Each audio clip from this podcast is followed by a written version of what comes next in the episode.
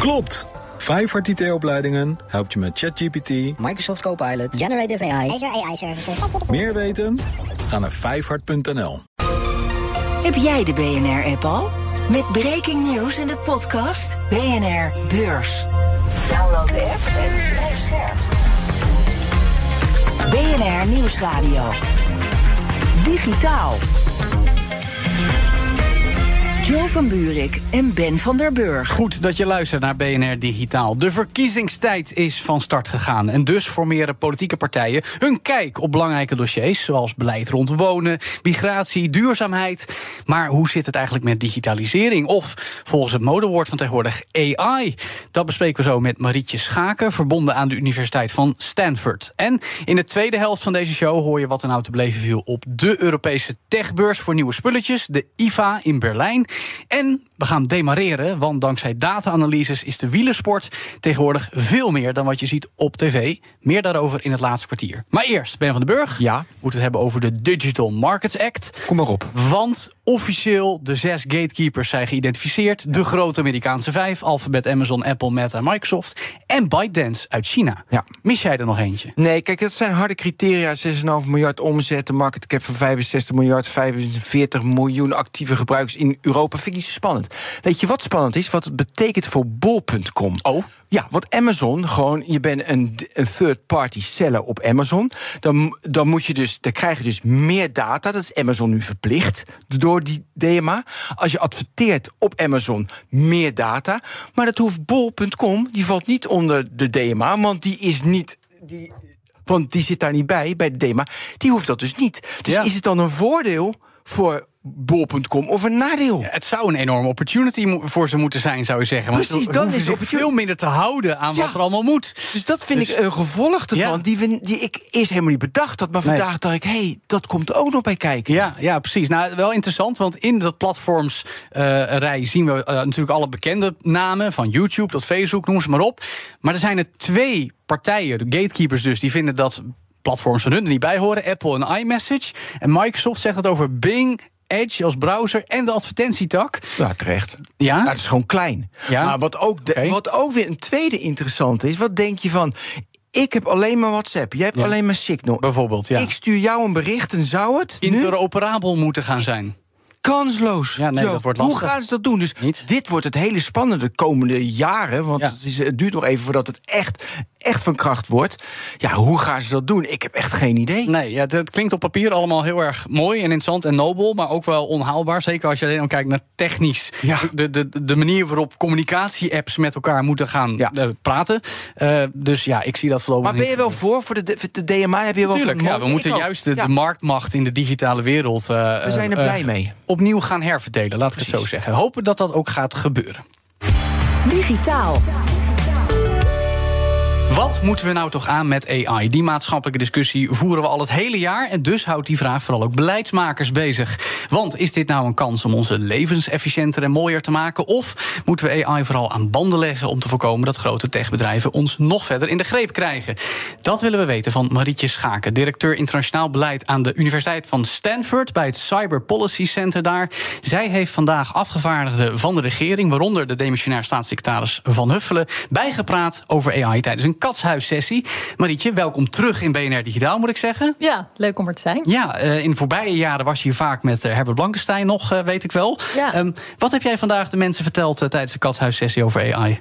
Dat het een heel belangrijk thema is, wat hoger op de politieke agenda moet. En waar Nederland ook echt een kans heeft om het voortouw te nemen bij een aantal eh, ja, beleidskeuzes, investeringen. Je had het net al even over kansen, bedreigingen. Zo wordt er heel vaak gepraat over AI. Hè, de ene kant en de andere kant. Maar geen van die twee gaan natuurlijk helemaal vanzelf. Je moet Nee. natuurlijk heel goed kijken. Hoe ziet ons land eruit? Welke sectoren eh, kunnen misschien eh, baanverlies verwachten? Waar zijn kansen om innovaties ook echt uit te dragen? Bijvoorbeeld eh, AI in de landbouw, daar denk je misschien niet meteen aan. Maar dat is echt een unieke positie die Nederland daar inneemt. Hetzelfde als je denkt aan zorg. Dus ik denk dat Nederland bepaalde keuzes moet maken, scherpe keuzes ook. Welke sectoren belangrijk zijn en ja, door alle sectoren heen natuurlijk, hoe zorg je dat technologie en ook AI past binnen een democratische rechtsstaat. Ja. En dat gaat ook niet vanzelf. Nee, dat snap ik. Er zijn een hoop belangen om af te wegen. Maar dat vind ik interessant, want juist eerder deze week pleit de demissionair staatssecretaris van Huffelen nog voor een internationaal AI-onderzoekscentrum in Nederland. En dat hebben we ook al eens gehoord van de AI-petitie van jouw oud-partijgenoot Kees Verhoeven van D66. Dat dat zou moeten gebeuren. Hebben we dat nodig? Moeten we zo'n grote broek aan willen trekken met AI als Nederland? En Wat ik denk dat wel het verschil kan maken, ik weet niet precies wat voor instituut ze, ze beogen, maar ehm, iets wat wij in Amerika aanjagen vanuit de Stanford Universiteit is om inderdaad een publiek onderzoeksmodel te hebben met voldoende computerkracht, voldoende data. Om tegengewicht te bieden aan de middelen van Big Tech. Precies. En, Ja. en ook de onderzoekskansen. Want op dit moment gaat bijna alle talent wat van technische universiteiten afkomt naar de grote bedrijven. Ja. Uiteraard betalen zij meer, gemiddeld gezien, Ja. dan een baan bij welke overheid dan ook. Dus we moeten het hebben van de nobele intenties van onderzoekers die het wel voor de wetenschap en overheden willen doen. Ja, maar heel veel onderzoekers willen vooral het meest interessante onderzoek doen. Ja, ja. En op dit moment bieden universiteiten niet de capaciteit, hebben ze simpelweg de capaciteit niet. Ook een rijke, heel geavanceerde universiteit als Stanford niet. En zijn we in Amerika bezig om een soort nationale AI-onderzoekscapaciteit te creëren. Dat is dus niet zozeer een instituut, maar samenwerking tussen universiteiten met voldoende computerkracht, voldoende data en ook een hele publieke intentie, een publieke rol die dat instituut moet gaan spelen. Zoiets zou je in Europa ook kunnen doen. Ja. Zou natuurlijk prachtig Maar zijn dat als moet Nederland. Europa en niet Nederland. Of moeten wij dan ook weer een voortouw nemen? Er gebeurt in Europa niks zonder dat iemand het voortouw neemt. En het zou natuurlijk voor Nederland heel mooi zijn als er vaak het voortouw wordt genomen, omdat er op digitaal gebied eh, heel veel gebeurt op Europees niveau. Dus dat, dat kun je vormgeven door daar een, een sterke inbreng te hebben. Mhm. Maar zeker als je probeert de krachten te bundelen als tegenmacht tegen grote commerciële bedrijven, dan moet je wel Europees Dan moet je handelen. samen. Maar je zegt Nederland moet het voortouw nemen, bijvoorbeeld in eh, de gezondheidszorg, bijvoorbeeld, eh, in- bijvoorbeeld in de landbouw. Dat zijn dan gebieden, sectoren waar je zegt van daar moet je vol op investeren. Dan moet de, daar moet de overheid dus subsidies eh, stimuleren, daar moet meer geld naartoe. AI for good in die sectoren, Ja. zeg maar. Ik denk dat ik er iets anders in zit. Dit zijn sectoren waar Nederland sterk in is. Ja. En waar AI een belangrijke impact kan hebben. En het is niet zeker gezegd dat die impact alleen maar goed is. Je moet daarop sturen. Dus bijvoorbeeld binnen de landbouw kan je zorgen voor meer efficiency. Maar als je niet oppast, het is een raar voorbeeld, maar dan gaan eh, agrarische machines van bijvoorbeeld Amerikaanse bedrijven. Die rollen over jouw land, die oogsten, die, die mesten, die zaaien. Maar terwijl ze dat doen, slaan ze data op. Alle data gaan. Over jouw land, over jouw. eh, maar is het nog Amerika? Als het China is, is het nog erger. Ja, met de Chinese elektrische auto's horen we deze angsten ook al vaak uitgesproken worden. Ja, hoe het ook is, je wordt afhankelijk als je niet zelf die capaciteit hebt. Ja. En eh, je bent niet alleen afhankelijk voor producten, maar je raakt ook je data kwijt. En daarmee een deel van je inzicht en daarmee ook een deel van je kans om zelf te innoveren op die data. Ja. Want alles gaat in bedrijfshanden naar andere landen. Ja. En je wil gewoon niet dat dat sluimenderwijs gebeurt. Ja, maar ik vind ik bedoel, de mogelijkheden creëren. Dan denk ik aan van in sectoren. Ja, allemaal wat de kansen en het wordt beter allemaal. Maar de gevaren waar je het nu over hebt. Ik denk dat je daarin het voor te nemen dat dat lastig is. Want dan kijk je toch veel meer naar de Europese wetten die nu allemaal worden gemaakt. Dat is toch iets effectiever. Zeker, je zal mij nooit eh, eh, Ja. tegen Europese aanpak horen pleiten. Nee, nee, nee, nee. Ik bedoel, we hebben juist vandaag, terwijl we dit opnemen, in de studio staan. eh, weer een mijlpaal met de Digital Markets Act. We hebben afgelopen Ja. week nog over de Digital Services Act gehad. Weet je, het wordt steeds concreter, zal ik maar zeggen. Wie er worden aangepakt van het techbedrijf, op welke manier. Dus we zijn op de goede weg. Maar toch hoor ik af en toe bedrijven zeggen: het is allemaal veel te streng. En dan zeggen de echte privacy-experts: er zit te veel water bij de wijn. Ja. Dus we blijven maar wat aanmodderen met z'n allen. En, en, en komen we dan wel echt ergens nu? Nou, er zijn echt hele stevige stappen gezet. En het zal niet verbazen dat bedrijven die eigenlijk tot nu toe zich nauwelijks aan regels hoefden te houden, zeggen: dit, hier balen we van. Of dit is verschrikkelijk moeilijk. Ja, maar ook de Nederlandse ondernemers die zeggen: door de AI-act kunnen wij hier niet, niet meer innoveren. Ja, dat geloof ik niet. Nee? Nee, dat geloof ik niet. Uiteraard kun je innoveren. Wat de AI-act beoogt, en die wet is er nog niet. Dus Nee, nee, nee, innoveer maak. vooral verder. Ja. Ehm, maar de, die wet is in de maak. En ehm, wat die wet doet, is kijken naar ho- hoeveel risico de toepassingen van bepaalde AI-producten opleveren. Dus Ja. ik zal een voorbeeld noemen. Stel, AI helpt bij het selecteren van toelaten van mensen tot een universiteit. Of eh, bij eh, het selecteren van mensen voor een baan. Of voor een uitkering. Met andere woorden, de gevolgen van de keuze die gemaakt worden zijn groot. Heb Ja. je wel of geen werk? Heb je wel of geen onderwijs? Heb je wel of geen uitkering? Dus nog extremer voorbeeld. eh, word je gescand op of je eh, snel in herhaling zou vallen als eh, veroordeelde crimineel? Kom je in Profilering. aanmerking voor verlof? Ja. Nou, allerlei toepassingen waar steeds meer algoritmes voor gebruikt worden. Dat weten we natuurlijk ook allemaal van de toeslagenaffaire. Ja. Wat de AI-act zegt is, die risico's die moeten gebalanceerd worden met voorzorgsmaatregelen, waardoor die toepassingen eh, minder risicovol zijn voor het persoon. Ja. Dus waardoor de bedrijven die die toepassingen maken gewoon moeten zorgen dat er niet op een verkeerde wijze of op een discriminerende wijze eh, selecties worden gemaakt. Dus je zou ook kunnen zeggen, het is alleen maar goed voor de sector op het moment dat eh, algoritmes niet discrimineren. Discriminatie mag niet, dat staat al tuurlijk. in de wet. Daar heb je geen AI, AI-act voor nodig. Zeker. Die regels zijn er al. Daarom, alleen je ziet dat helaas in de praktijk heel veel algoritmes en Ja. AI-toepassingen wel discrimineren. En daar moet je dus van af. En als bedrijven zeggen, ja, dat is ontzettend ingewikkeld voor ons, dan zeggen ze dus eigenlijk, wij kunnen ons niet aan de wet houden. Ja, dan heb je een Ja. legitimiteitsprobleem. Op zich is dit een makkelijke, maar ik ga even naar de moeilijke. We gaan weer terug naar die landbouwmachines. Want dat is een laag risico. Als je alles in kaart brengt wat er allemaal gebeurt op het land, dan zeg je dat is een laag risico. Maar het gaat bijvoorbeeld wel naar China met auto's, of het gaat naar Amerika, John Deere met alle. Dan is het een laag risico. Dan hoeft er bij de AI-act weinig controle uitgeoefend te worden, want je zit in het laagste risico. Ja. Maar dat kunnen we nog niet inschatten hoeveel risico's je kan maken. Hoe ga je daar dan mee om? Nou, Kijk, ik denk dat het belang van eh, weten waar je data heen gaat op allerlei niveaus een rol speelt. Eh, op het gebied van privacy in de eerste plaats, maar ook op het gebied van je eigen economische ontwikkeling Ja. en inzicht. Dus even los van verdien je ermee of wordt er een, een wet overtreden. Je zou toch het liefst zelf echt die toegang tot informatie willen hebben.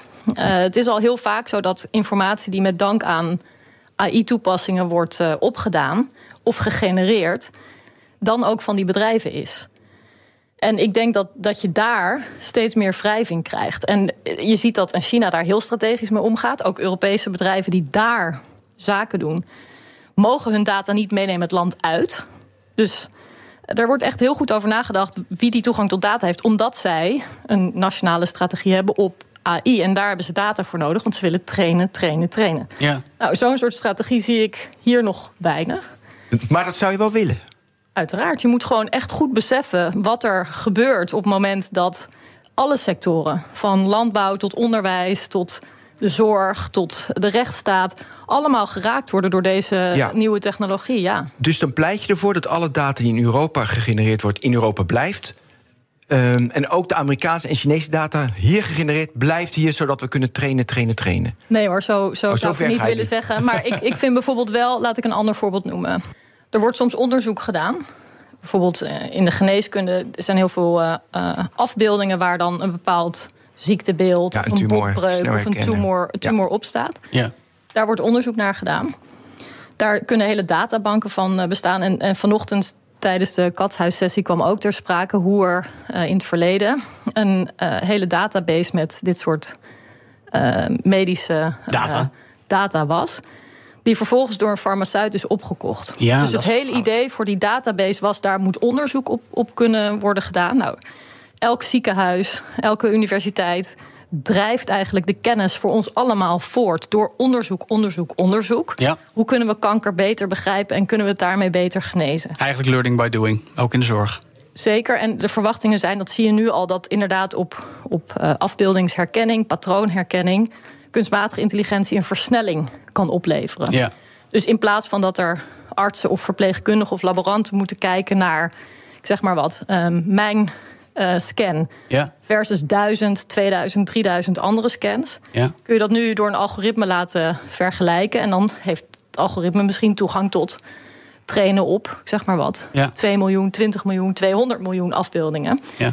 En daarmee kun je dus hopelijk preciezer kijken naar het plaatje. Want waar lijkt het nou het meest op? Maar je Ja. kunt vooral heel veel tijd sparen. En dat is in de zorg natuurlijk ook belangrijk. Ja. Maar je wil niet dat al die kennis, die misschien zelfs Ja. gefinancierd is door publiek geld, hè, naar universiteiten, databases gebouwd, Ja. eh, onderzoekers opgeleid, hup, eh, verdwijnt in private handen. En deze dynamiek tussen publiek en privaat is nu scheef. Ja. En als we daar niet goed genoeg in optreden rondom AI, wordt hij alleen maar schever en niet naar de juiste kant. Dus ik pleit voor meer aandacht voor het publieke belang. En is dit ook, mm, ja, om het zo te zeggen, de waarschuwing die je eerder vandaag in de sessie in het Katshuis hebt afgegeven? Van, ik hoor hele concrete voorbeelden: hè? landbouw, zorg, publieke waarden. Is, is dat waar het om centreert? Nou, wat mij betreft eh, zijn er ook voorwaarden, namelijk uh, dat democratisch gekozen en afrekenbare politici überhaupt grip op de zaak hebben. Ja, en dat hebben we helemaal niet zijn. nu. Nee, dus dat heb ik inderdaad vanmorgen gezegd. Maar ik heb ook uh, suggesties gedaan voor waar Nederland specifiek een niche kan vinden. Want hè, de kans dat wij een open AI gaan creëren nee. in Nederland dat gaat niet gebeuren. Nee. Dat denken mensen misschien, maar dat gaat voorlopig niet nee. gebeuren. Maar dus welke je moet niche? Dat vind ik interessant. Ja. Ja, daar heb ik dus gekeken naar landbouw, naar de zorg. Je kan ook denken aan transport en logistiek, waar Nederland heel goed in is. Ja.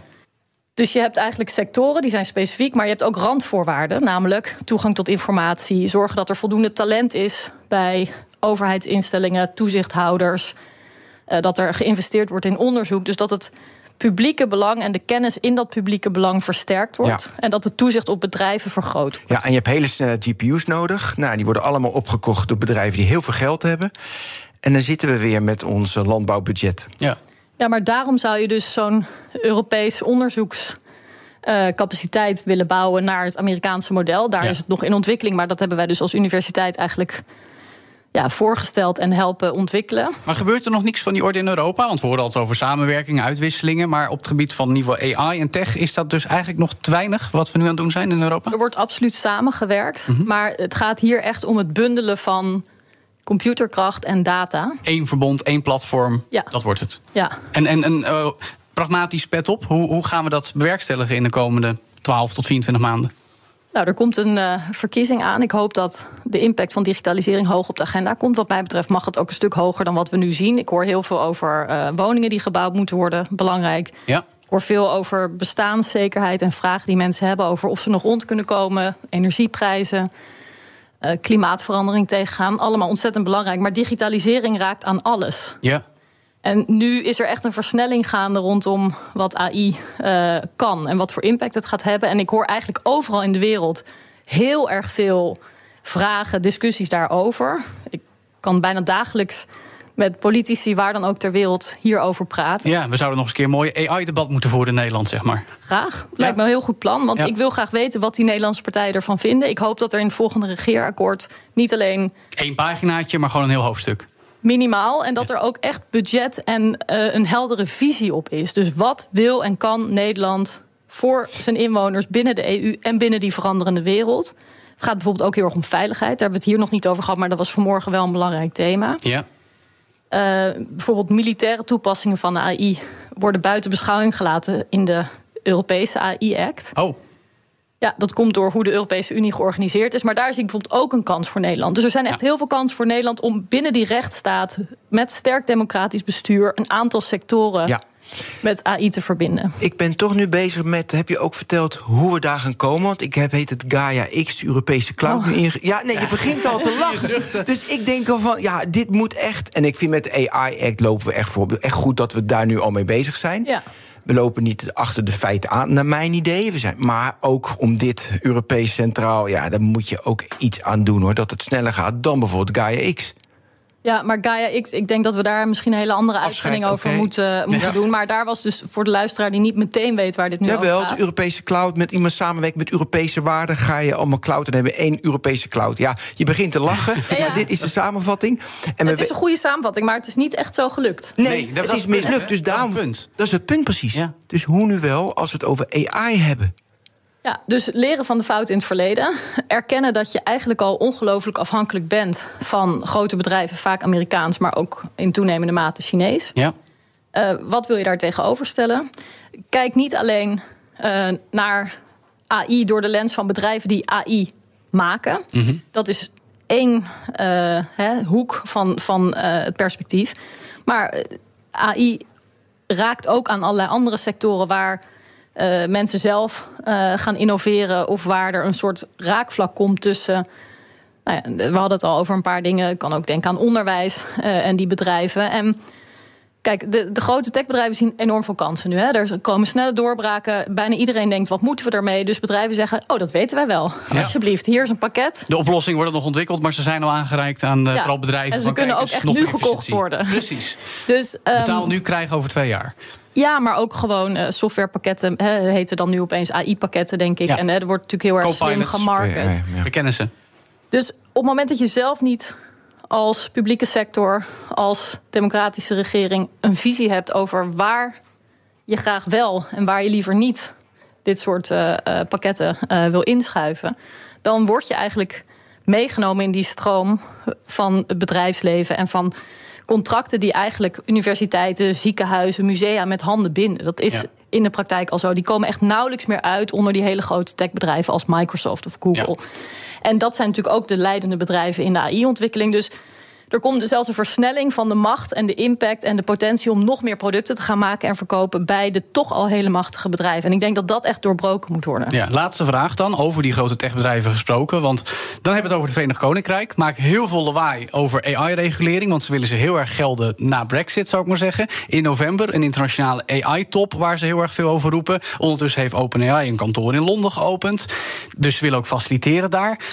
Er wordt dus nogal wat ja, gevochten om die leidende voortrekkersrol op het gebied van AI te claimen. Ja, maar je, zei net dat eh, het Verenigd Koninkrijk ook regulering wil, maar dat willen ze eigenlijk bijna niet. Dus ze kiezen Nee, bijna. zou ik maar zeggen. Ze kiezen bijna de tegenovergestelde richting van de Europese Ja, Unie. ze zetten deuren open voor alle Amerikaanse bedrijven om het daar te gaan doen. Ja, en terwijl echt de hele wereld, hè, eh, CEO's van techbedrijven, AI-experts, allemaal alarmbellen eh, deden rinkelen en waarschuwen voor de risico's van AI. Ja. Komt het Verenigd Koninkrijk met een strategie die zegt: Nou, we zien echt gewoon alleen maar Dat is ook super grappig Maar, dat, trouwens. maar is dat, Ongelooflijk. hoe, in hoeverre is dat in ons nadeel als Europa? Aangezien ja, Groot-Brittannië nog maar half bij Europa hoort, zou ik maar zeggen.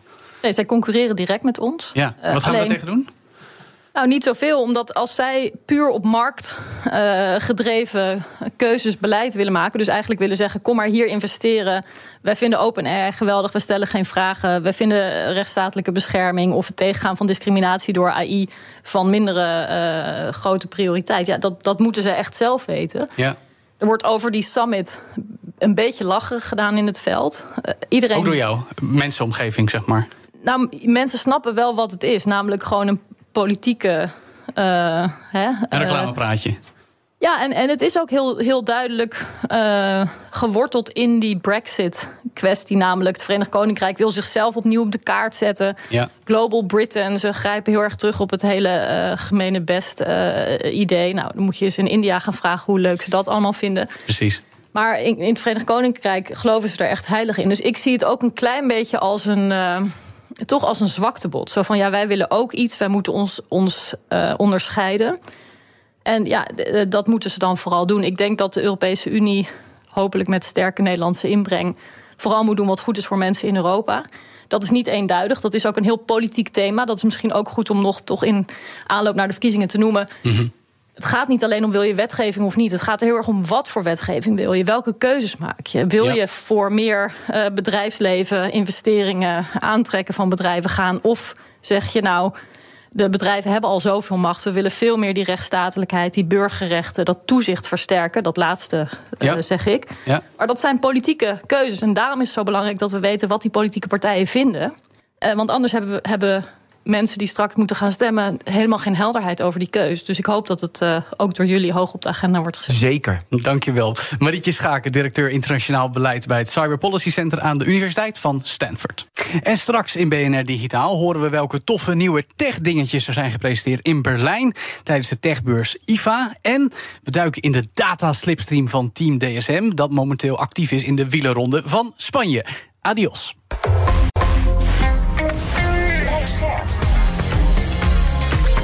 BNR Nieuwsradio. Digitaal. Joe van Buurik en Ben van der Burg. Welkom terug bij BNR Digitaal. Zometeen springen we op de virtuele fiets. Nee, niet per Zwift of Tax. We gaan namelijk op de datatour met een technisch adviseur van Team DSM... die momenteel deelnemen aan de Vuelta in Spanje dus. Maar eerst... De zoekopdracht. Vandaag met collega Roet Oei, want die reisde voor ons af naar Berlijn... om een bezoek te brengen aan de techbeurs IFA... om te proeven van allerlei nieuwe dingen die daar gepresenteerd werden. Bijna letterlijk, maar daar komen we zo op. Roet, welkom. Goed dat je er bent. Ja, Leuk. nee, leuk hier te zijn. We kennen je al van de tech-update bij BNR natuurlijk onder meer. Eh, nu dus in BNR Digitaal. Wat heb jij zo al meegemaakt op de IFA? Ja, het is wel leuk om te vertellen. Dit was mijn allereerste keer op een techbeurs. En dan gelijk naar Berlijn, waar het echt heel veel tech en heel veel beurs was. Ja. Ik vond het heel indrukwekkend om te zien. Eh, vooral ook wat bedrijven en merken neerzetten. Maar ook die vibe die op zo'n beurs heerst. En dan moet je vooral bedenken, ik was er op donderdag. Dus dan was er vooral pers. Ja, de mediadag, hè? De mediadag en dan nog niet eens bezoekers. En dan al echt al die mensen die precies weten waar ze willen zijn en waar ze naartoe willen. Eh, vooral die Samsung-verdieping. hè, Die hebben niet één stand, die hebben gewoon. Dat is groot. Je dat is, dat een volledige verdieping. Echt een volledige hal, gewoon Een basically. volledige hal. Je gaat, eh, want ik dacht nog, nou ja, Samsung, nou ja. Ja. Je gaat de roltrap op en het is allemaal Samsung. Echt heel mooi ook neergezet. Je had Ja. een hele, dit zou jij fantastisch hebben gevonden, een Oh hele game hub. Ja, Ehm, nou.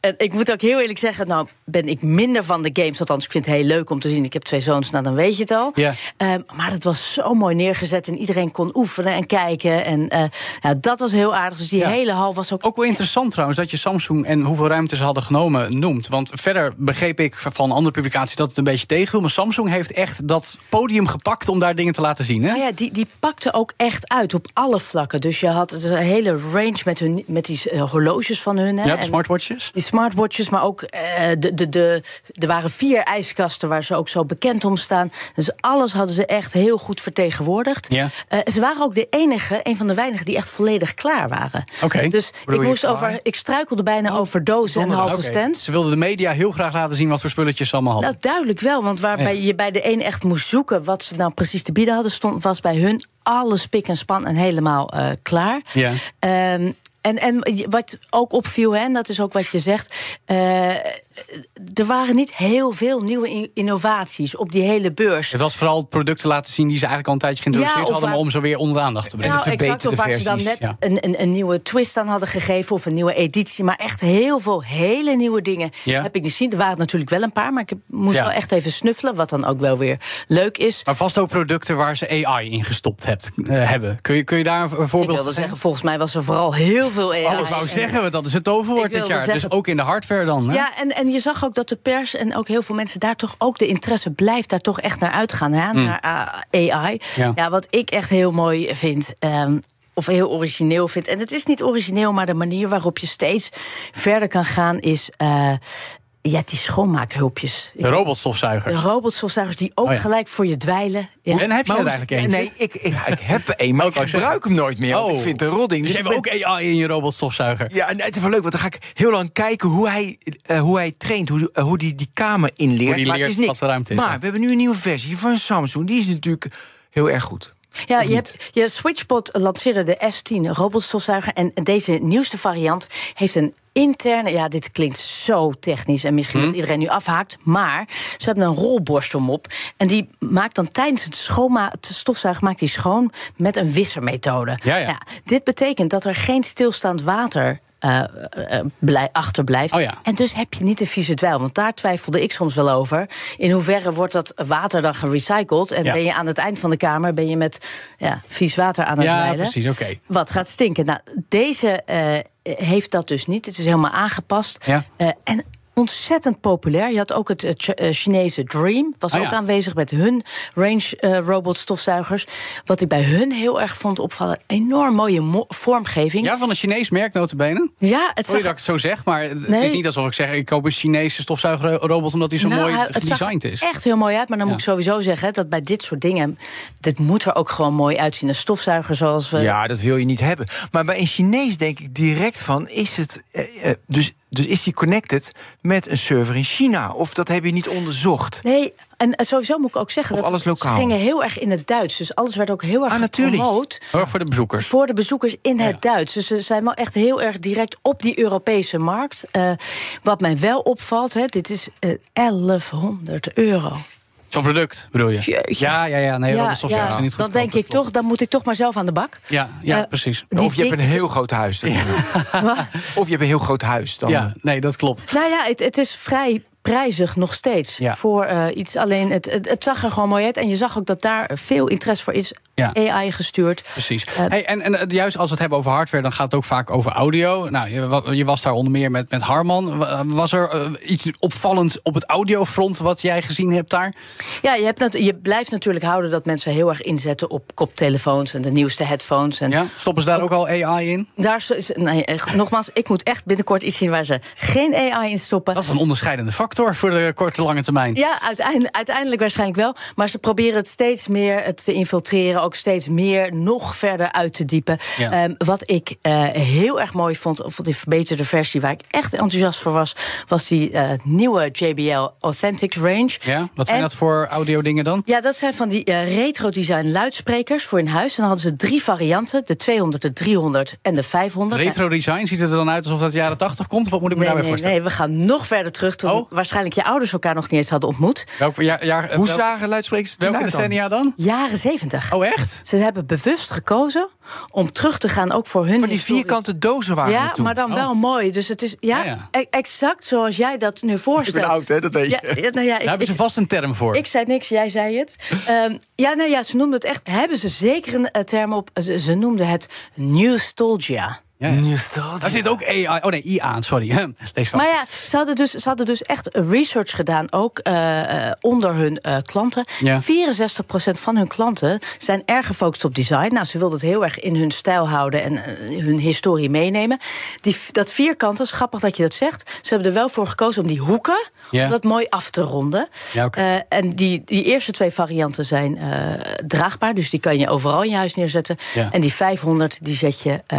eh, eh, ja, ergens neer. En die zou ik dan niet meer optillen, want zo'n Nee, goed loeizwaar Ik ding. vind het wel interessant om zich te onderscheiden. Komen merken dus of eh, met iets met AI, of je zegt dat je met iets met AI komt, of je komt met hele opvallende vormgeving. Nostalgia dus, retro, ja, design. Dat zijn dan de twee onderscheidende factoren. Wa- Was er iets waarvan je zegt, nou, dit, heb, dit product heb ik nog nooit gezien? Want ik begreep juist van heel veel bloggers dat dat er eigenlijk niet echt was. Voor jou was natuurlijk je eerste ervaring, hè, dus je hebt een ander referentiekader. Nee, ja, zeker. Nou ja, eh, eh, het was, nou, ze zeiden ook eerlijk, hè, het was niet, die, die retro design, dat noemden ze dan heel nieuw. Ja. Was het natuurlijk niet. Nee. Wat wel voor hun nieuw is, Ja. eh, ze zijn een samenwerking aangegaan met Google en Amazon. ja. Dus dat betekent dat het is allemaal geconnect, hè, AI. Dus ja, als de, jij. de slimme stemassistenten gebruiken. Exact, maar je kan ze dus nu allebei gebruiken. Dus als jij. Door elkaar? eh, nou ja, ja, dus als jij Alexa hebt en ik heb Google, kunnen wij nog steeds allebei aansluiten op die boxen. Dat is mooi als je binnen één huishouden meerdere stemassistenten Maar gebruikt. weet, je, dit is wel heel grappig dat je het zegt. Want dat- ze zeiden, zijn er nog vragen? Handen omhoog, allemaal met de vraag. Maar als ik nou Hey Google heb en de ander Ja, ja, heeft ja. Alexa... gaat dat dan niet mis? Ja. Maar dat kan dus, als je verschillende stemassistenten hebt... kan je dat nog steeds... Een probleem op eh nee, dat kan, dat, nou ja, dat kan. Ik zou ze niet naast elkaar zetten of tegelijk roepen. Precies, ja, oké. Laten we nog even één dingetje. En dan komen we toch bij AI en Samsung. Want dit hebben we allemaal gezien. Volgens mij Samsung Food. Een app waarmee je met AI kan bepalen wat de pot schaft, volgens mij, toch? Ja, ik vond het wel grappig. Dan ga ik naar een techbeurs en dan eindig ik in de keuken. Nou, dat, dat heb je niet van ons, eh, Roet. Nee, nee, nee. En de grap is, voordat je denkt dat koken ook echt mijn favoriete bezigheid is... bij Ja. mij thuis kan mijn partner dus echt vele malen beter koken dan ik. Mooi. Eh, dus toen op eh, die beurs de vriendelijke vriend van de Samsung Food app me aansprak... en zei, mag ik mijn nieuwste trots aan toelichten? Dacht ik, Ja. ja. ik weet niet of jij mij veel hebt. Maar- Maar, dat vond ik dus juist Ja. wel grappig, want ze gaan heel erg uit... Maar, maar werkt het een beetje goed? Je hebt de app ook op je heb- telefoon, ik heb gekeken. Ja? Ja, ik heb toevallig hier nog een recent van mijn lunch Ja, staan. ja, ja, want Kunnen we daar iets van bakken? Heel leuk is, je, je kan dus echt alles erop doen. Ja? En, eh, dus je kan zeggen wat je wil eten. Je kan.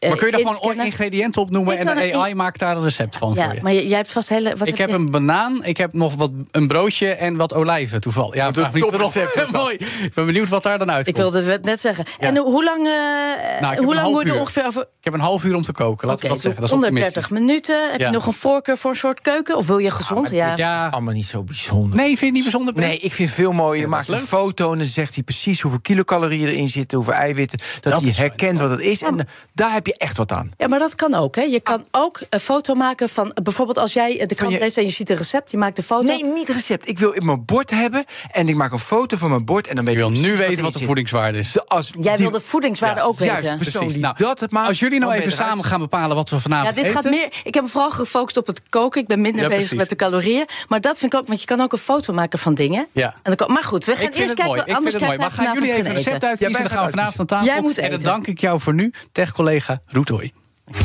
Joe van Buurik en Ben van der Burg. As we speak strijden de beste 22 wielerploegen ter wereld om de Ronde van Spanje, de Vuelta. En de rol van technologie is daarin steeds belangrijker geworden. Want hoe bereidt een professionele wielerploeg zich voor op zo'n wedstrijd met behulp van nieuwe hulpmiddelen? En hoeveel van de sport hangt anno 2023 nog af van geluk, vorm van de dag, andere ongrijpbare factoren?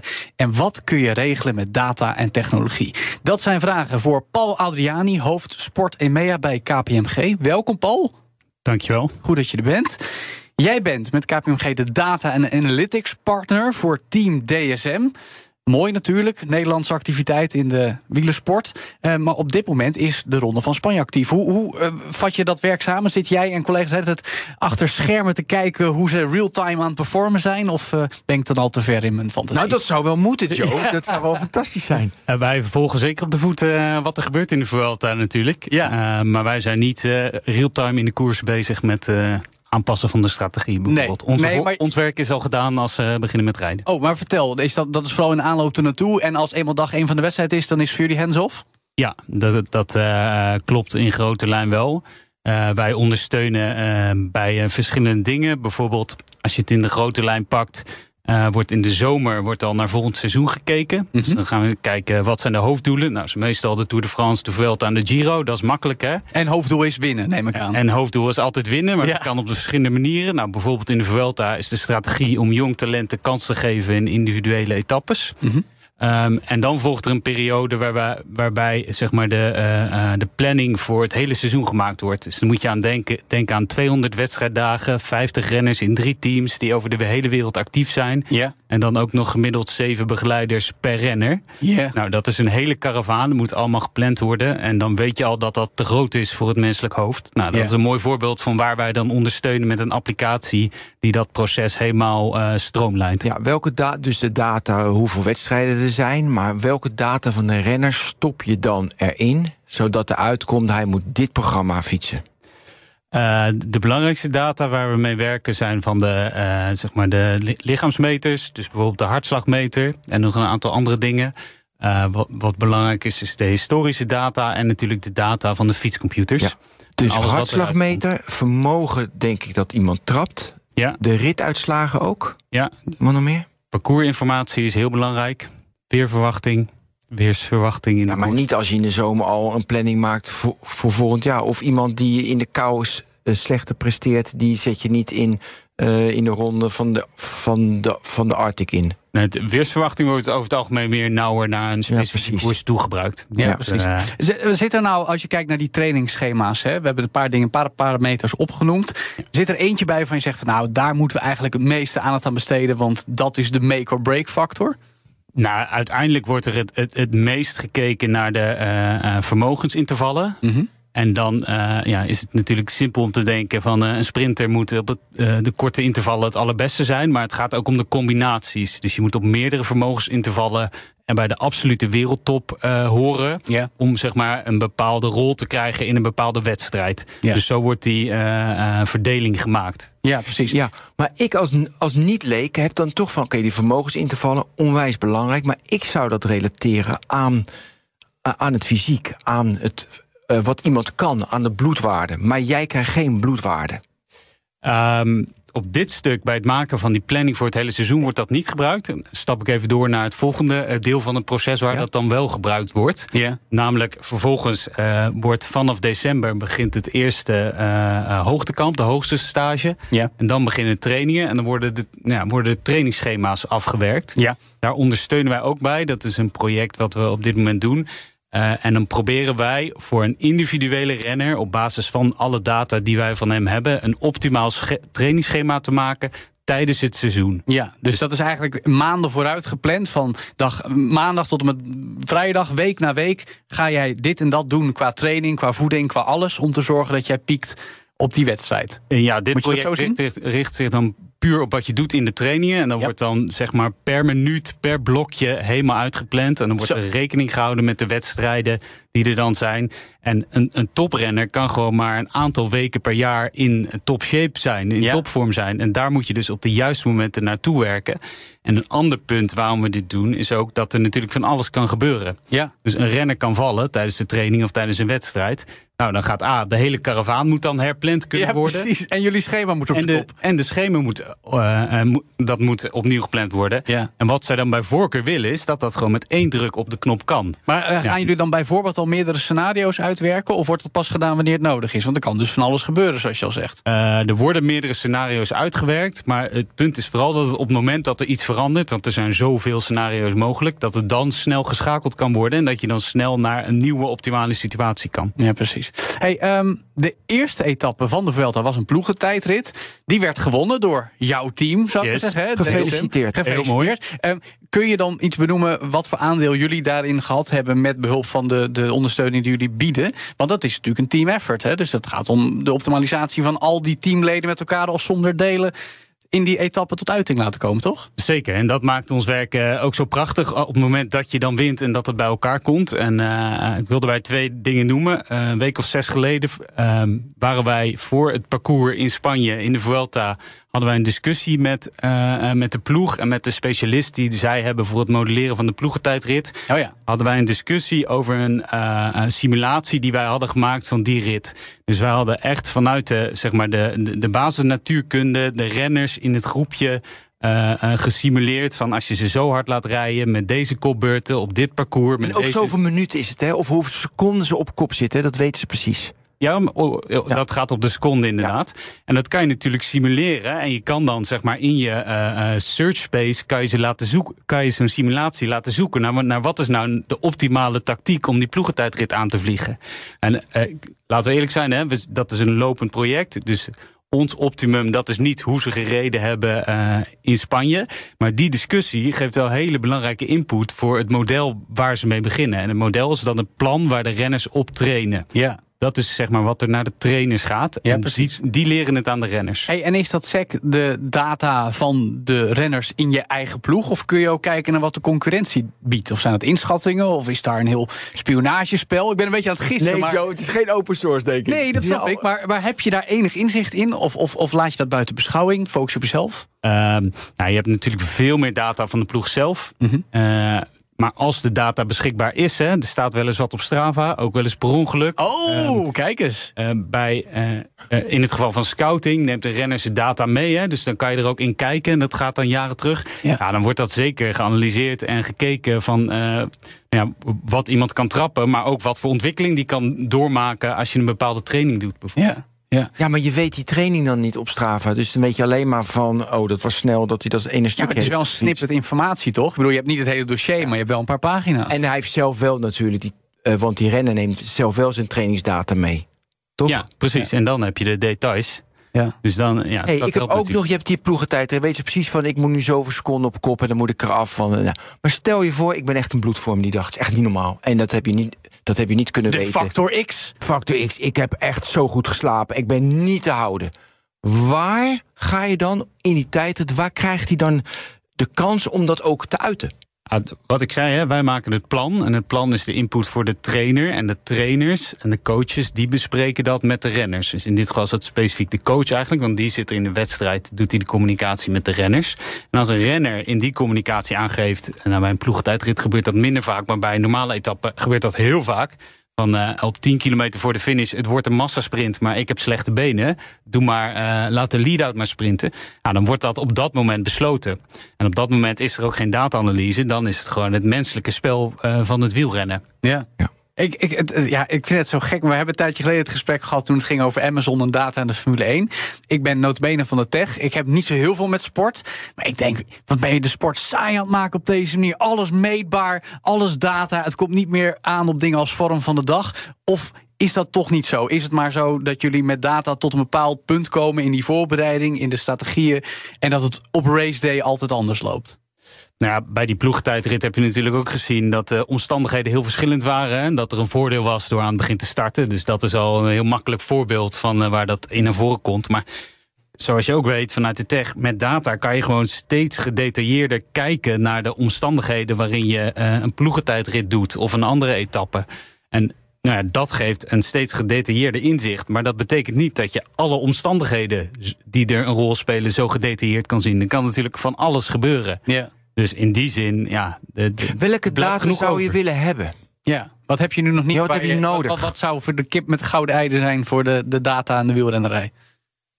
Nou, ik denk dat je eh, als je nog gedetailleerder naar de, eh, bijvoorbeeld de positionering in het peloton kijkt. Mhm. En waar je zou moeten rijden gedurende een dag. Dat daar bijvoorbeeld vrij makkelijk nog Ja, iets dat- te winnen zou vallen. Ja, dat zijn die mooie onderzoeken van de TU Delft... dat je midden in het peloton maar 10% van je vermogen fietst. in Omdat je luchtweerstand gunstig Ja, precies. Ja. Toch? Dus dat bedoel je. Ja, maar ja. Nou, dat is een, een vrij simpel voorbeeld daarvan. Ja? Waar bijvoorbeeld ook nog veel te, te winnen valt, is het mentale aspect. Ja, Daar ja, weten ja, we eigenlijk ja. nog eh, eh, heel weinig van. Bedoel, de Ja, maar renners- hoe meet je dat? En is dat ethisch verantwoord? Tuurlijk, Joe. Ja? Nee, het gaat allemaal alleen Ja, om die kijk, gouden medaille. Kijk, kijk, als bloedwaarden al een, een, een vlak zijn, dan, dan vind ik mentale gesteldheid al helemaal eh, een dingetje. Ja, maar mentale gesteldheid is toch gewoon bijhouden 's morgens. Ik ben zagrijnig, niet wel. En dan geef je zelf aan. nou ja, dat is eh, wat nee, ik wil, ik wil het eventjes van Paul weten. Eh, bedoel, de renners liggen niet onder een MRI-scanner 's ochtends. Nee. Het is, eh, zover is het nog lang niet. Nee, maar goed. Ja, we Dat- zijn, en en dat, ik weet ook niet of dat de toekomst is. Maar er, wordt niet, eh, er worden geen hersenscans gemaakt Nee. of zoiets dergelijks. nog niet, hè? No- nog niet. Nee. Terwijl dat natuurlijk, eh, als je vanuit de wetenschappen kijkt... ook gewoon een wetenschappelijk veld is... wat Ja. je zou kunnen toepassen in de sport. Hoe verwerken jullie dit allemaal eigenlijk? Gaat het via de cloud? Hebben jullie eigen technologie? Ik me voorstellen dat jullie inhuren, want KPMG is uiteindelijk consultancy en niet per se tech. Of, of zie ik dat verkeerd? Ja, wij ontwikkelen vooral. En Mhm. wij ontwikkelen op een eh, eh, Azure-platform... wat we voor hun hebben opgezet... met de eerste applicatie die we hebben gemaakt. En daar nou, staan een heel aantal scripts op in Python voornamelijk... voor de ploegentijdrit, eh voor het maken van die wedstrijdplanningen... Ja. En daar wordt ook eh, ja, de, de data van de fietscomputers bijvoorbeeld eh, opgeladen. Ja. Dat, eh, dus dat wordt daar allemaal verzameld. En onze rol is dat ook om dat op een zeg maar, st- gestructureerde, gestructureerde, veilige manier te doen. Ja. Dat die data aan niet op straat komt. En dat je over vijf jaar al die data nog hebt en goed kan analyseren. En dat de, de kwaliteit erin zit. Want daar zit uiteindelijk ook een deel van de waarde die je Ja, eruit kan halen. Heb ik eigenlijk nog maar één vraag. Is dit nou voor jullie als KPMG business of vinden jullie het gewoon leuk?